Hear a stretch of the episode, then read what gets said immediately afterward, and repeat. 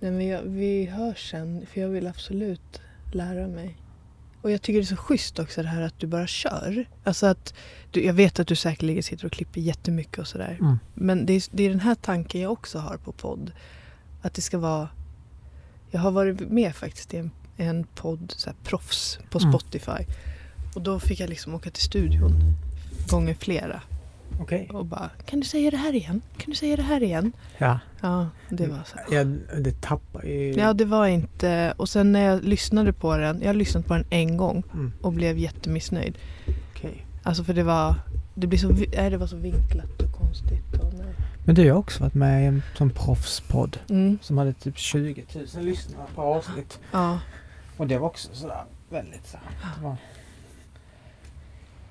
uppstyrt, ja. ja, Planerat. ja.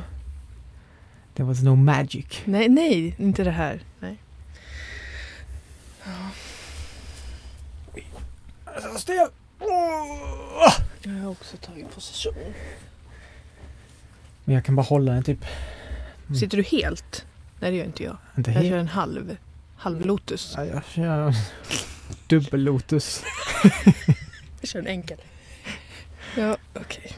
Men du, Ja, vad ska vi... Ja, oj, jag blev nästan lite nervös. Ja, jag med. Det har inte jag blivit på jättelänge. Ja. Men det betyder det bra. Då är det äkta. Ja, nervositet, eh, Det är bra. det är jättebra. Jag ska bara se. Oj, noise gate. Om man får gråta och så. Man får inte gråta. Nej, gud vad jobbigt. Tack. Ja. Vad var, jag- vad var, jag på, vad, jag- vad var jag på väg att säga? Eh, Lotus. Ah. Kör.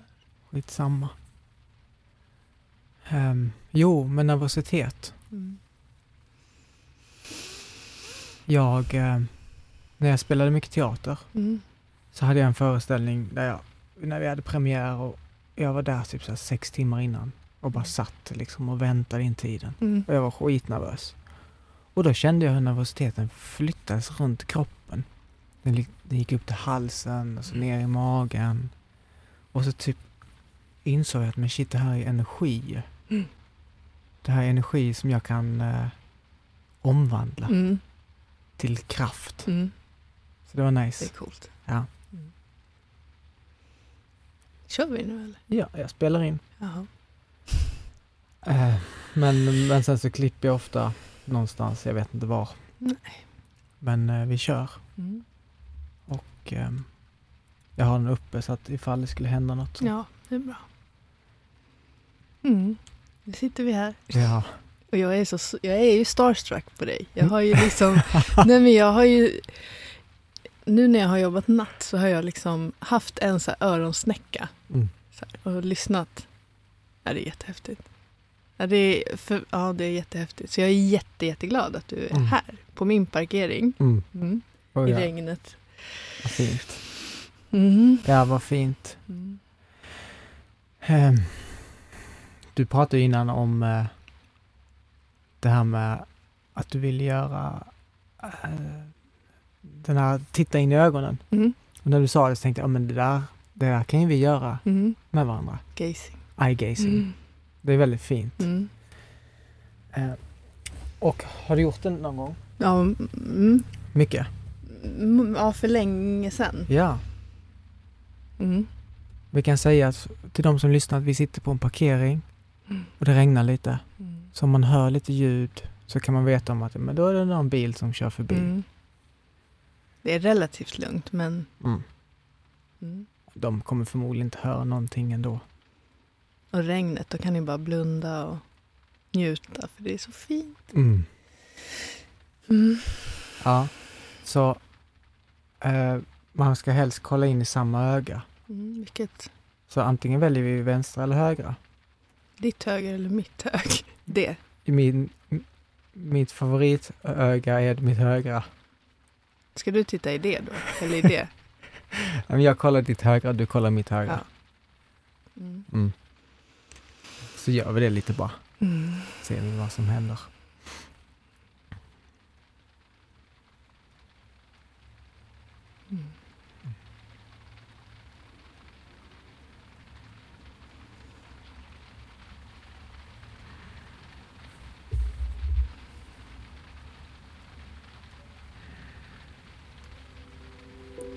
När jag mötte Nia på parkeringen utanför hennes studio så kände jag direkt att det fanns en härlig sammankoppling mellan oss.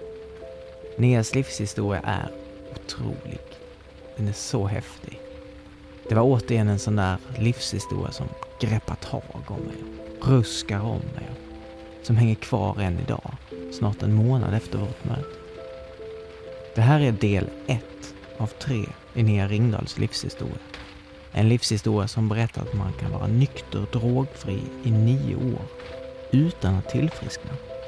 En livshistoria som berättar hur snabbt allt kan vända och alldeles plötsligt så sitter man där i ett fängelse i USA.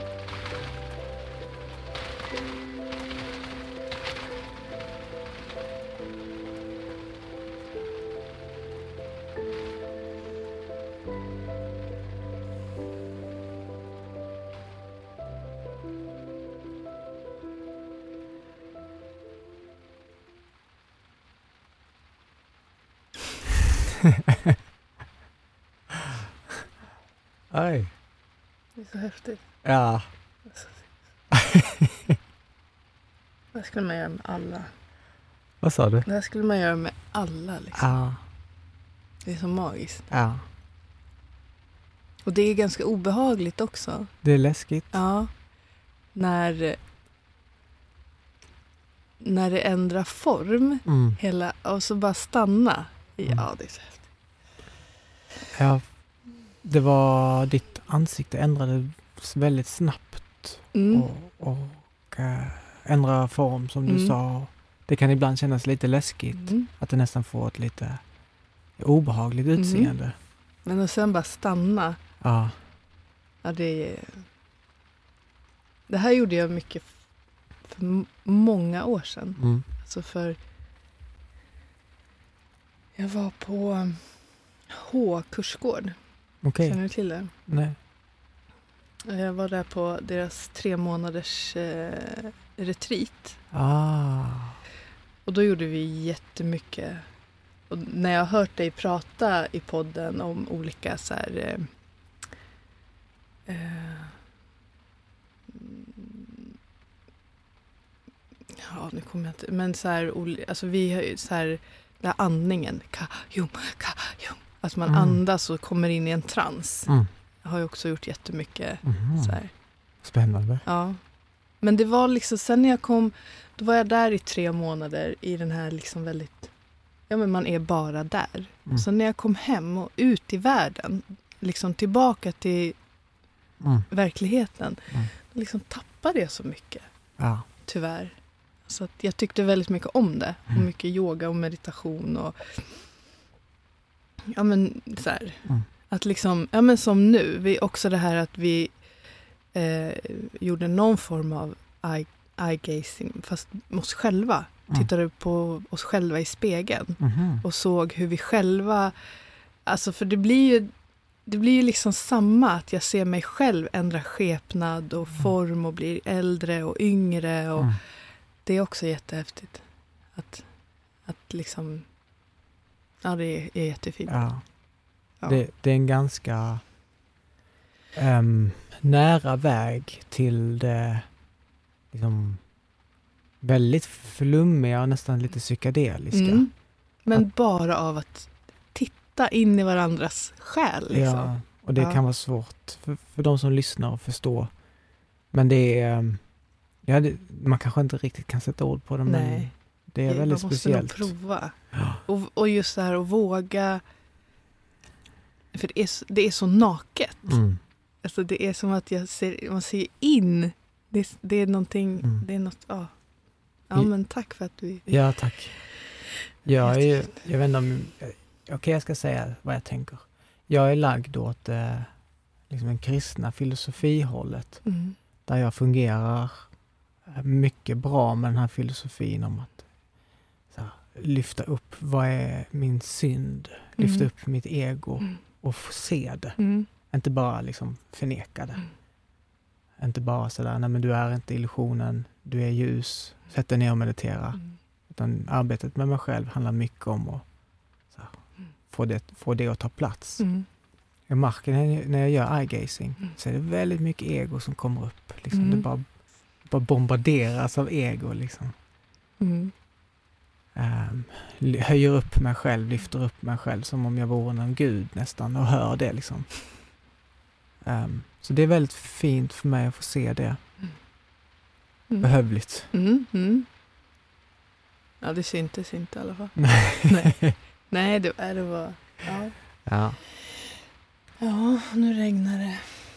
ja, men det, det ser inte ut som att det kommer några så här riktigt stora moln utan det känns som att det stannar vid den här eh, mängden. Mm.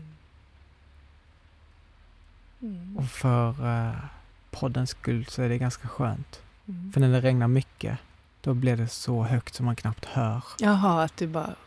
Men då Mm. får vi flytta på oss. Ja. Ja. Mm. Mm. Var ska vi börja? Nej, men jag, tänker Ska att, jag börja? jag tänker att du börjar med att få berätta Ja. Din livshistoria. Mm. Och eh, eh, du behöver inte, jag har ingen stress eller något Nej. sånt. Utan Nej. bara ta din tid. Ehm, det var, jag kommer inte ihåg vilket av, avsnitt det var men du träffade en kvinna som heter Anna Mm. som pratade om tolvsteg. Mm. Hon pratade väl, alltså, väldigt, väldigt, väldigt fint om tolvsteg och förklarade väldigt... Jag, jag, jag tyckte väldigt mycket om... Jag har lyssnat på alla och tycker om alla dina avsnitt. Men jag är också en tolv, tolvstegare Ah. som, som jag brukar säga, då, tolvstegare. Eh, så att och hon förklarade det så bra, liksom hela programmet. Så det känner jag så här, men då kan man lyssna på det avsnittet, liksom vad tolvsteg är. Mm. Eh, men jag har en, en historia av eh, Ja, alltså alkohol och eh, droganvändande på, på liksom det sättet att, att det fyllde en funktion i mitt liv. Liksom att, att jag visste inte riktigt hur jag skulle leva utan. Eh, att jag hade så mycket, nu börjar jag smattra. Mm. Men det är okej. Ja. Att jag kände att jag hade liksom så, så sånt hål inom mig eller att eh, det hände saker när jag var ung. Eh, och för mig så var det en ganska här, snabb väg att då börja dricka alkohol. Mm. För att eh, ja, men förändra mitt sinnestillstånd. Så. Eh, och sen väldigt fort när jag var ung så fick jag alltså, konsekvenser av att jag fick liksom minnesluckor och, och jag märkte lite så här att mina jämnåriga kanske drack på ett annat sätt. Eh, att jag hela tiden ville bara bli bedövad. Det fanns ingen njutning eller någonting roligt utan det var liksom, var det fest så var det ja, absolut, det är klart jag hakar på. Och sen var det liksom att eh, stark sprit och snabbt liksom. Mm. Så att, ehm, och det, det, det såg jag ju ganska fort att jag var annorlunda på det sättet. Ehm, men sen när jag var Vill du berätta lite om tidigare år? Så, Men det jag, så, jag är så gammal så jag har så mycket att berätta. Nej, men det är ganska så här, alltså det känns inte så väsentligt så här, vad, ja. att vad som hade... ehm, nej men det var mycket som hände. Mm. Eh, alltså när jag var liksom ett barn, när jag Mm. var ung, en ung, eh, ja när jag var 13 och så hade jag liksom träffat en kille som eh, ja, men som, som våldtog mig och förgrep sig på mig. Och det var liksom min första sexuella kontakt. Så jag, jag förstod inte vad som hade hänt riktigt, men jag förstod att det var fel. Mm. Eh, och det var väl det att så här, då kom den här skammen att jag inte ville prata med någon om det. Men jag kände att det var fel, liksom, att han hade gjort illa mig. Mm. Och det var på sommaren och sen eh, på sommarlovet eh, och sen, sen ganska snabbt, liksom, när skolan började, så, ja, men så började jag dricka alkohol. Började liksom hänga med äldre och sådär. Att, att, och det, vart ju, det fyllde den funktionen att jag blev bedövad och jag inte kände det där som jag Mm. kände. Liksom. Så att, och det tycker jag är... Det har jag liksom jobbat med mycket ja, men nu i mitt, i mitt liksom arbetsliv och med människor som jag möter att man ska inte förringa liksom, att saker också fyller en funktion. Mm. Missbruk eller alkohol eller en ätstörning eller vad vi än liksom har för... Ja, jag tror, jag tänker nog att vi går ner i din vi går in. ateljé. Ja. För eh, även fast det inte kanske låter så mycket för de som lyssnar så känner jag att jag, Blir man stressad. Ja, man blir tänker oj, börjar det regna nu, nu, ännu nu. mer Ja. snart kanske. Så det blir bäst vi gör det. Kom, kom. Eh, jag pausar. Mm. Nej, låt du rulla. Nej, nej.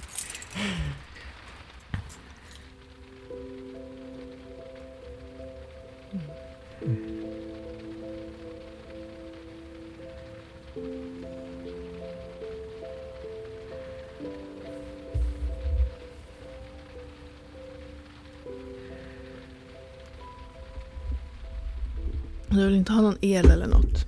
får du säga till. No. No. I do not I want the electricity. Jag är anti-el. Oj, jag är allergisk. Jag har snärr. Det är därför det Allergi. heter elergisk. Nej men, åh du sa något. Nej, vänta, vänta.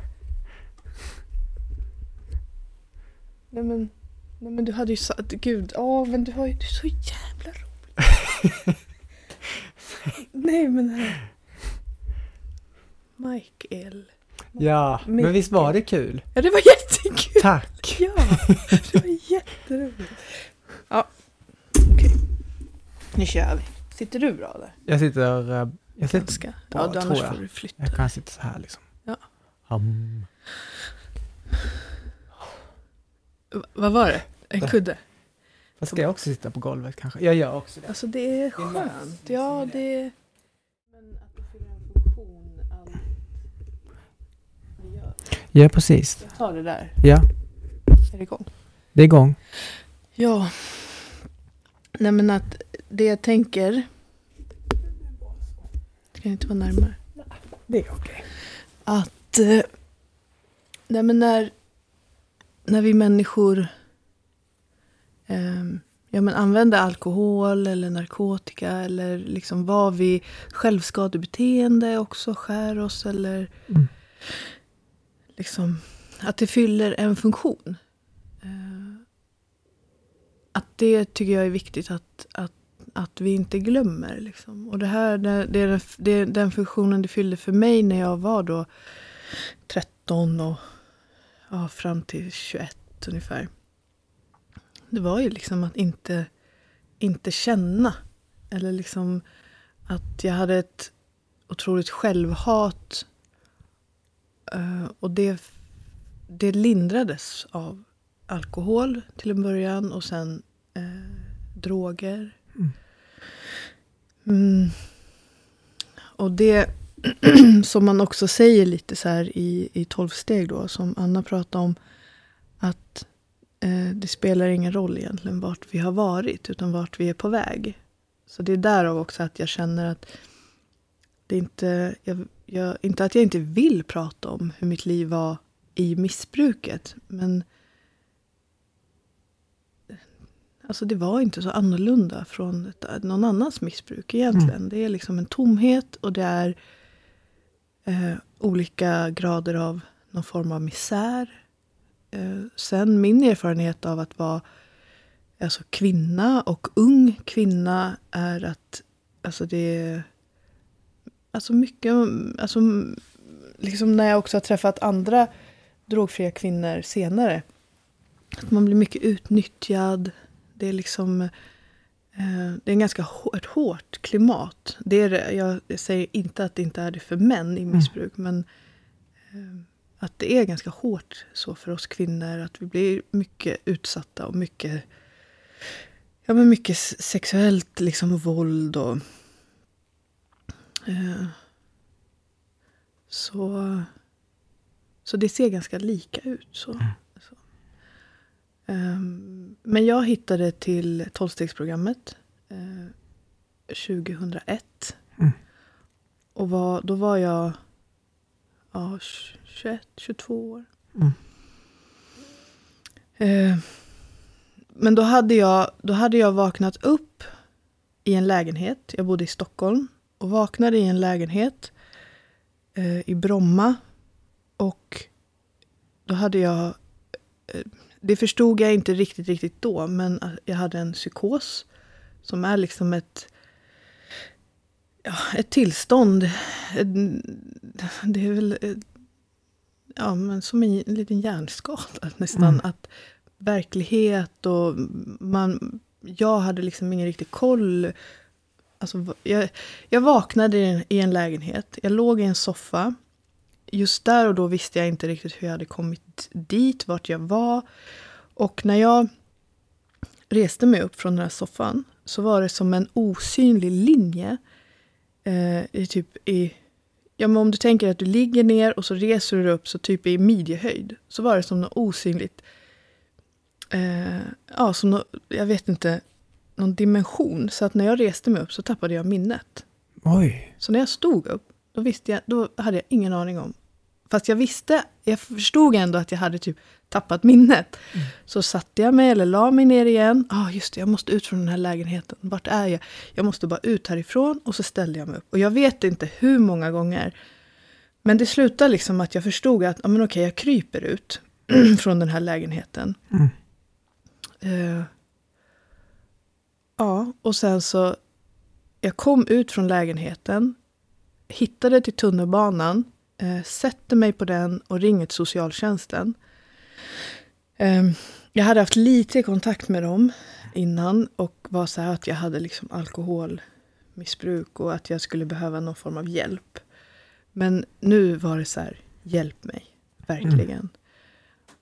Och sen gick det ganska fort eh, från, från det samtalet till att jag kom in på en, en behandling. Eh, och det, det som var också att att bli drogfri var inte... Det var liksom... Det var inte så svårt i början. Att mm. liksom sluta med de här då substanserna. Så, alltså det som, som var mitt sätt att... Alltså min... Alltså, det som jag tog till så för att då fylla det här tomrummet eller hålet eller slippa känna. Utan det, det som det som jag i den stunden började liksom brottas med var att ens vilja leva. För det var ju som att, ja men okej, men nu har vi tagit bort det där då som är dåligt. Mm. Men jag vill ju fortfarande inte vara med. Så att där, liksom i min drogfrihet så, så började jag ett ganska eh, allvarligt självskadebeteende istället. För just att det fyllde en funktion. Jag bara bytte liksom. Mm. Att, eh, och att liksom, ja men jag kunde väl eh, liksom, ja jag skulle hålla mig drogfri då och nykter. Men att inte ta livet av mig var något som jag sa, men det kan jag inte lova på något sätt. Och sen är det ju då som, som Anna också berättade så bra om tolvsteg, att eh, tolvstegsprogrammet är ju uppbyggt liksom att dels är det de här då tolv stegen som vi liksom eh, som är tolv olika fördjupningar i livet. Eh, som man gör då tillsammans med en, eh, en annan person. Och eh, rekommendationen eh, är ju att då en kvinna gör det tillsammans med en kvinna. En coach, en sponsor brukar vi kalla det. Um, och att man också, uh, alla våra liksom tolvstegsmöten uh, är ju, de liksom, det är ju vi själva, vi som är, ser oss som medlemmar som håller i mötena och liksom öppnar mötena. Och det kallas då för att vi gör service, att vi liksom ger service till varandra. Att någon gör det för mig så att jag kan gå på ett fysiskt möte eller jag gör det för någon annan. Att, och sen att vi... Eh, service, ja och sen andlighet. Att vi liksom bjuder in andligheten.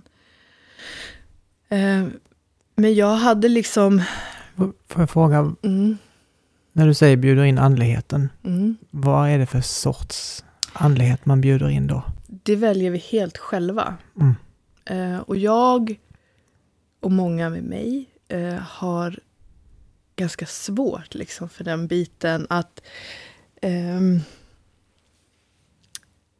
i våra texter så läser vi Gud.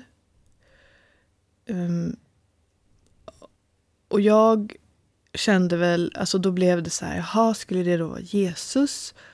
Drog jag en parallell och eh, då har jag så här, nej men det, eh, det passar inte mig. Och även att jag har, sen, sen jag var ung, har jag liksom älskat att vara i kyrkan. Mm. Jag har liksom haft en dragning till ja, men till den krist, en kristen, liksom, eh, en kristen tro. Ehm, men i det här sammanhanget så blev det också att jag ifrågasatte väldigt mycket att hur, om det då finns en gud, hur kan den guden ha försatt mig i jättemycket farliga, jobbiga situationer?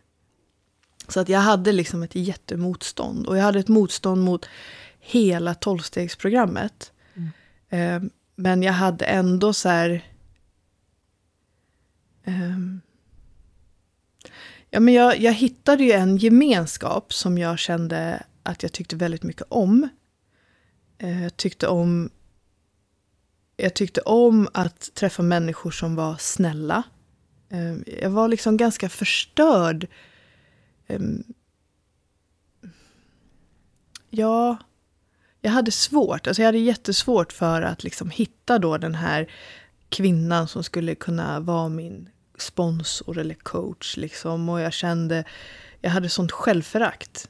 Verkligen. Att jag, jag, jag var så här, nej men det är väl ingen som vill liksom ta sig an mig.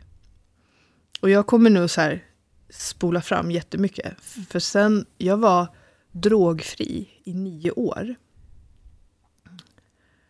Men jag hittade ju bara andra vägar.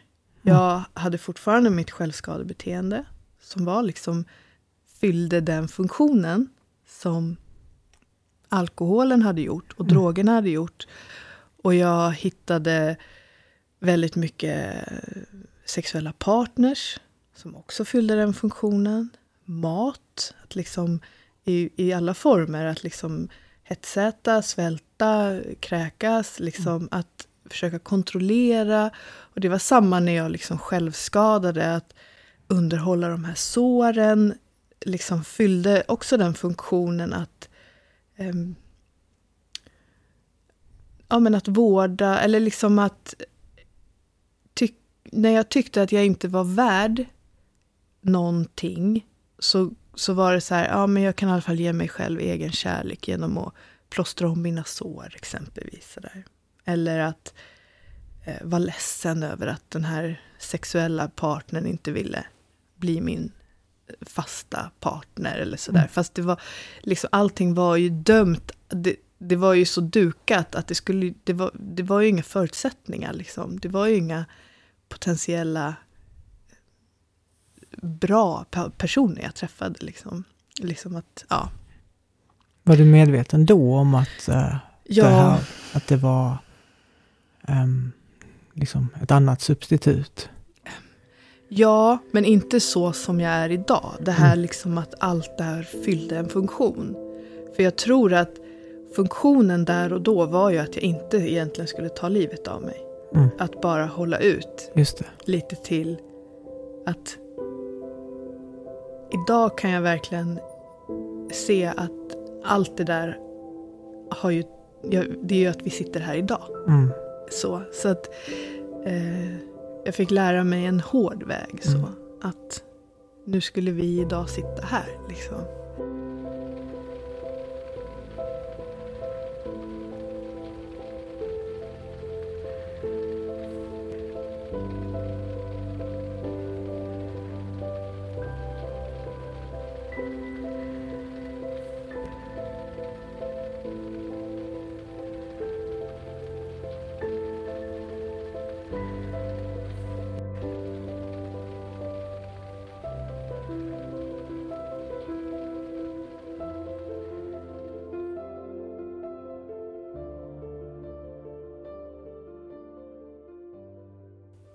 Känns lite nytt för mig. Mm. Jag, kan, jag har varit väldigt dömande mot mig själv och Mm. sett på de här undanflykterna som liksom bara dåligt Mm. beteende och inte riktigt sett att det funnits ett syfte med dem. Men det får jag ju höra nu att det finns Mm. det ju verkligen. Alltså det är... Ja, verkligen. Mm. Verkligen. Och För att till, i ditt verkligen bokstavligt talat hålla dig vid liv Ja. tills du kanske har byggt upp den här ja, kraften att... ja. Mm. Att liksom den här också att... Det här att in... Ja men någon, vad finns det så här? Jag vill inte bara överleva utan jag vill leva. Men i det, i, i, då, i, alltså när det begav sig, då var det att bara överleva, överleva, överleva. Liksom att jag förstod ju inte det då, men jag förstår ju det idag. Mm. Att alla de där åren och allt, allt liksom som jag kan ha benämnt som att jag har levt i liksom ett helvete har ju fört mig hit. Och att jag, liksom, vilket jag kommer komma till, men liksom vad jag har för arbete idag, vad jag har för människor i mitt liv, den, alltså konsten som jag gör, allting. Allting är liksom... Idag är jag så här, jaha, ja, ja, men då förstår jag, okej. liksom. det, var, det var därför eh, det var så. ja, men på lite. Men... Nej, men och jag under den här tiden också började på universitetet. Läste till socionom. Och hade i tanken att jag liksom ville jobba med... Då var det... Mitt, mitt, mitt första var sådär, alltså jag ville jobba med tjejer. Eh, och självskada. Eh, så.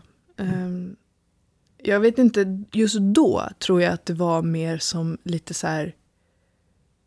Ehm, ja, som nå... Jag, jag, det är jättetungt jobb. Så jag vet inte vad jag tänkte liksom då. Att jag skulle vara någon sån här healer eller Mm. någonting. Det, det var en... Hur gammal var du då? 2005 började jag plugga. Kan ni räkna? Jag vet inte. Gammal? Ja, 25, 26, 27, Ja. något sånt. ja. Något. Och det var ju liksom att... Alltså livet, jag var ju drogfri, jag var nykter. Och jag gick på tolvstegsmöten. Och jag... Men jag var inte liksom förankrad. Kan jag, alltså så här, jag, jag var inte... Det var fortfarande... Eh, jag kunde vara på ett tolvstegsmöte och liksom på något sätt ge sken av att jag mådde bra kanske. Och så kunde jag gå hem och eh, skära mig i armarna eller eh, liksom ringa någon sexuell tillfällig partner och låta den personen liksom förnedra mig. Och att, att min destruktivitet var så närvarande hela tiden. Jag var som ett,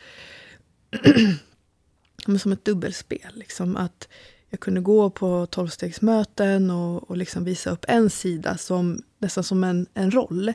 En skådespelare som visade upp någonting som någon avspegling. Så här, dels hur de verkade må och dels hur, så här, vad som förväntades av mig, vad jag trodde förväntades. Mm. Liksom, eh, tolvstegsrörelsen är ju egentligen bara kärlek. Så att, men jag var för rädd för att låta det för att släppa in dem i mitt liv och sanningen. Så jag bara liksom spelade ett spel. Mm. Och ja, jag var drogfri.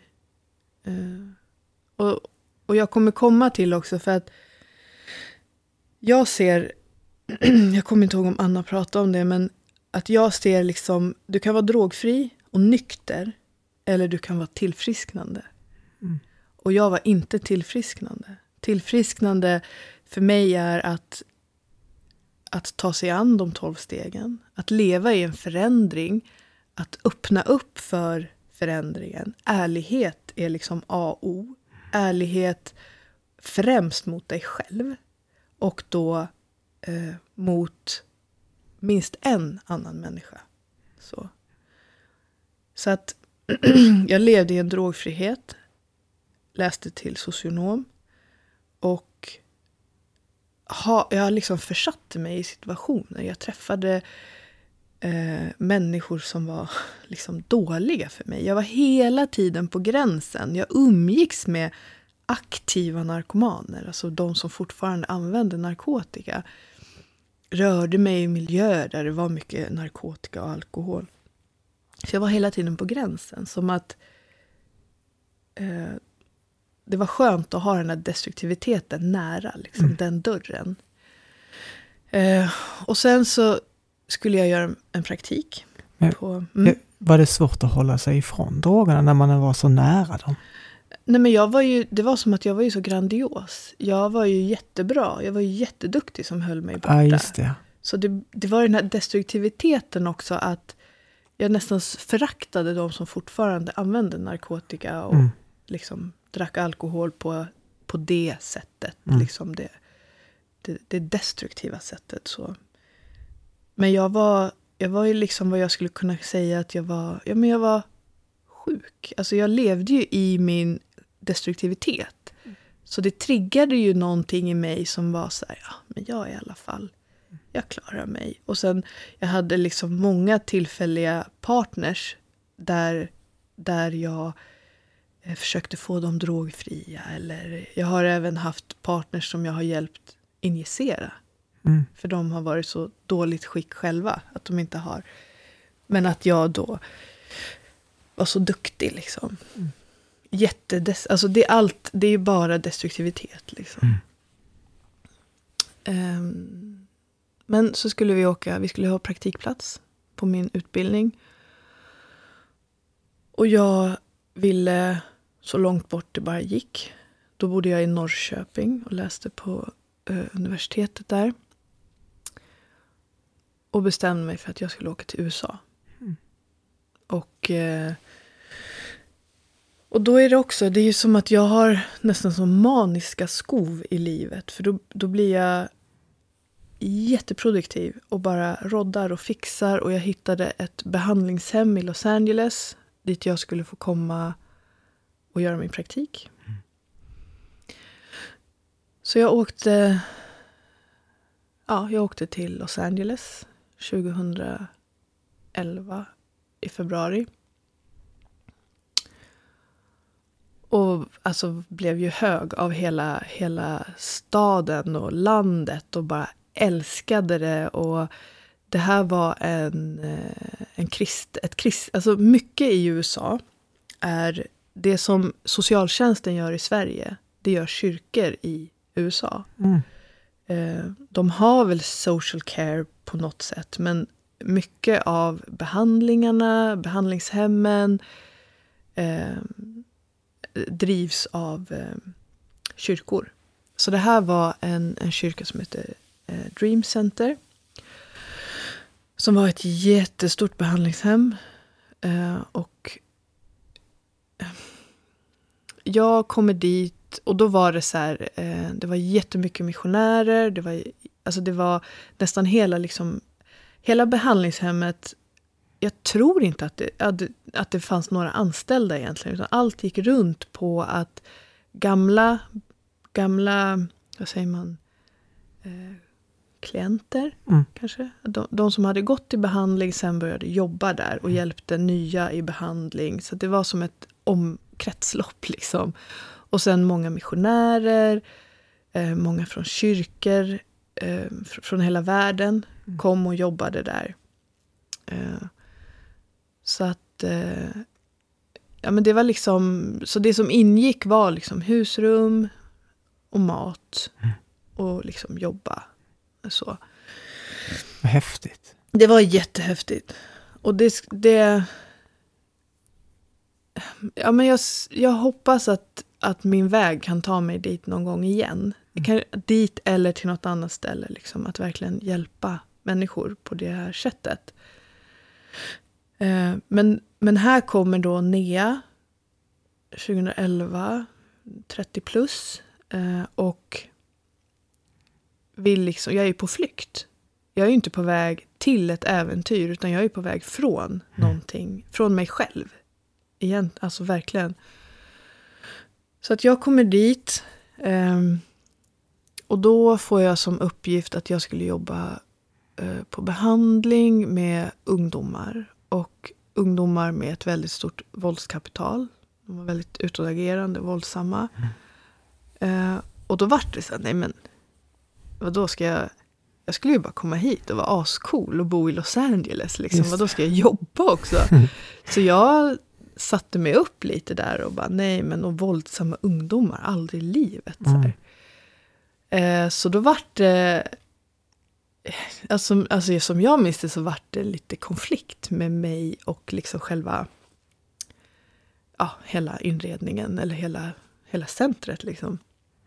Att jaha, kommer jag Ja, men jag var ju jätte, jag, jätteotacksam var jag. Mm.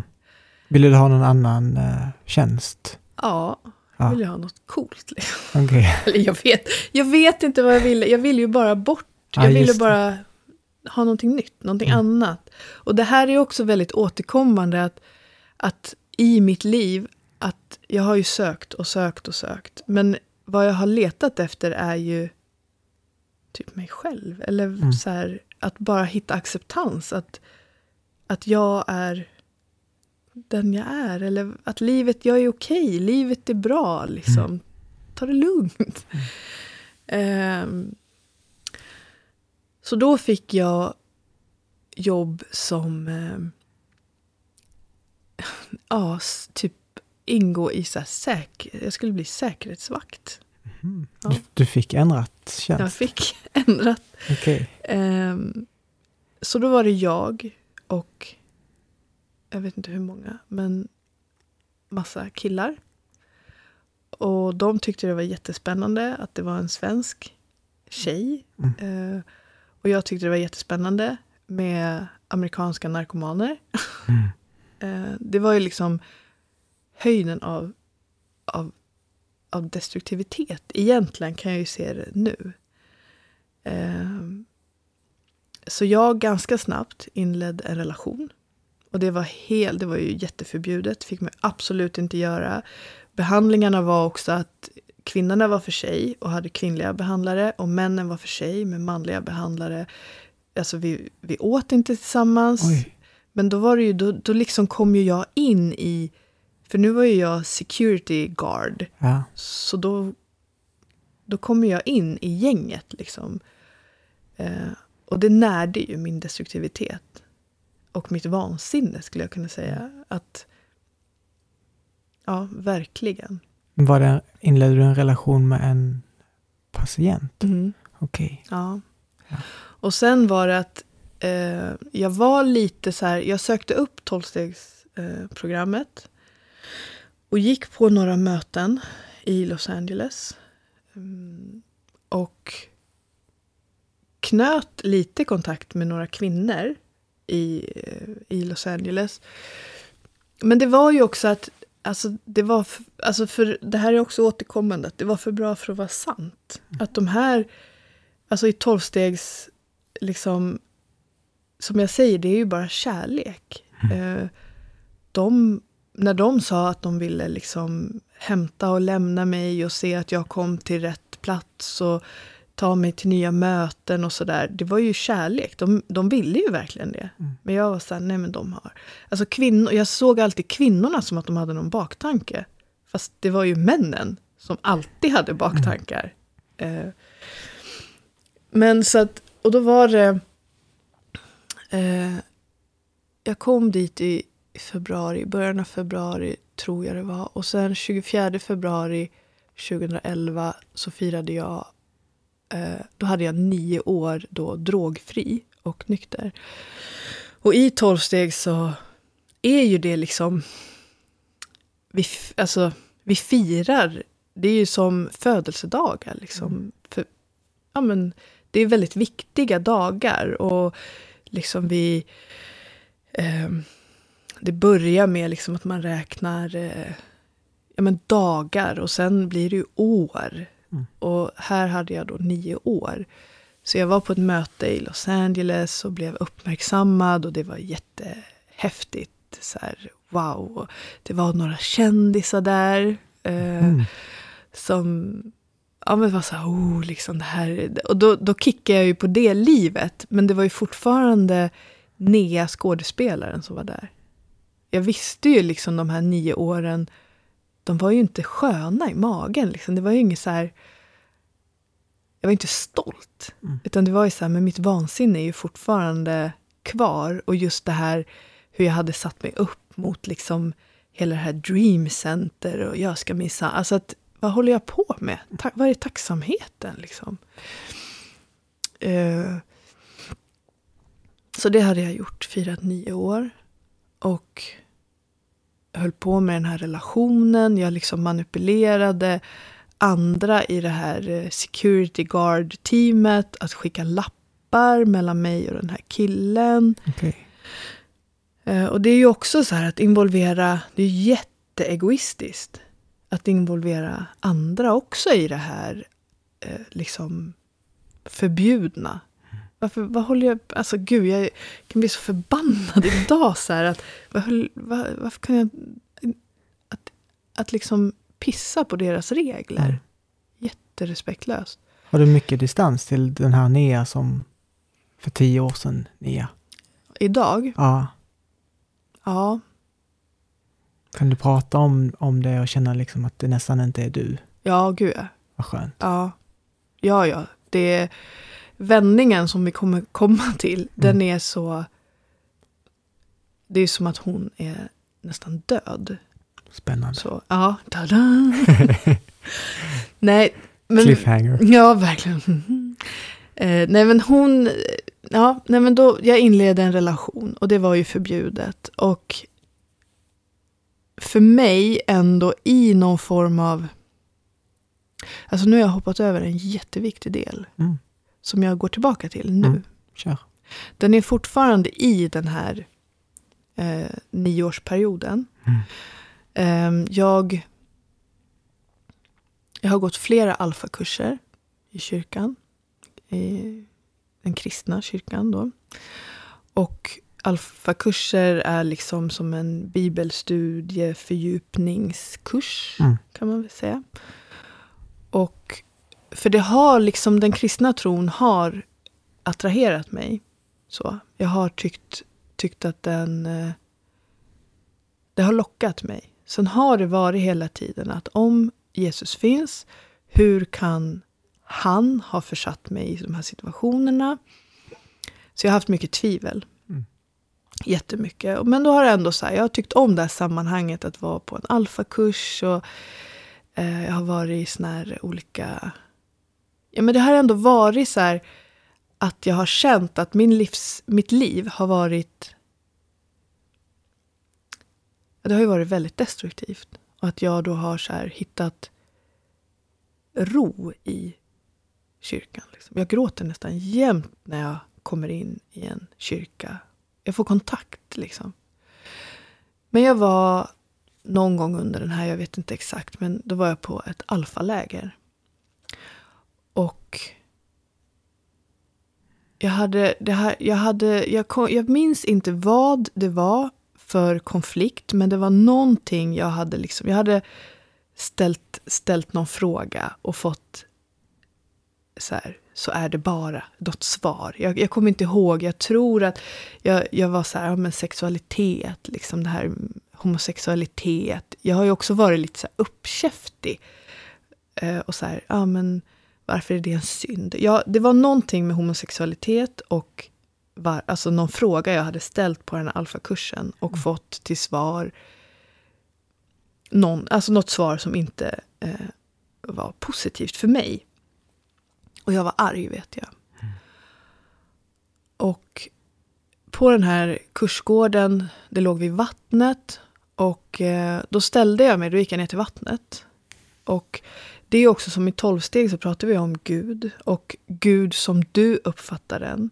Samt, och vi pratar också om att det här, vi har som en så saying, eller som vad säger man, en slogan. Att ta det du tycker om och lämna resten. Mm. Och det har jag också använt mig av när jag kanske har läst Bibeln så har jag så här, ja men det här håller jag inte, det här är inte för mig, men det här är för mig. Att liksom man kan, idag så ser jag, jag är, en an, jag är andlig. Liksom, och jag kan kalla min andlighet för Gud, för jag plockar. Liksom. Jag blev jätteinspirerad av intervjun med din pappa. Mm. Så här, ja, men också så här, ja, men det, oh, det tyckte jag om. Ja, men jag provar mycket meditationer.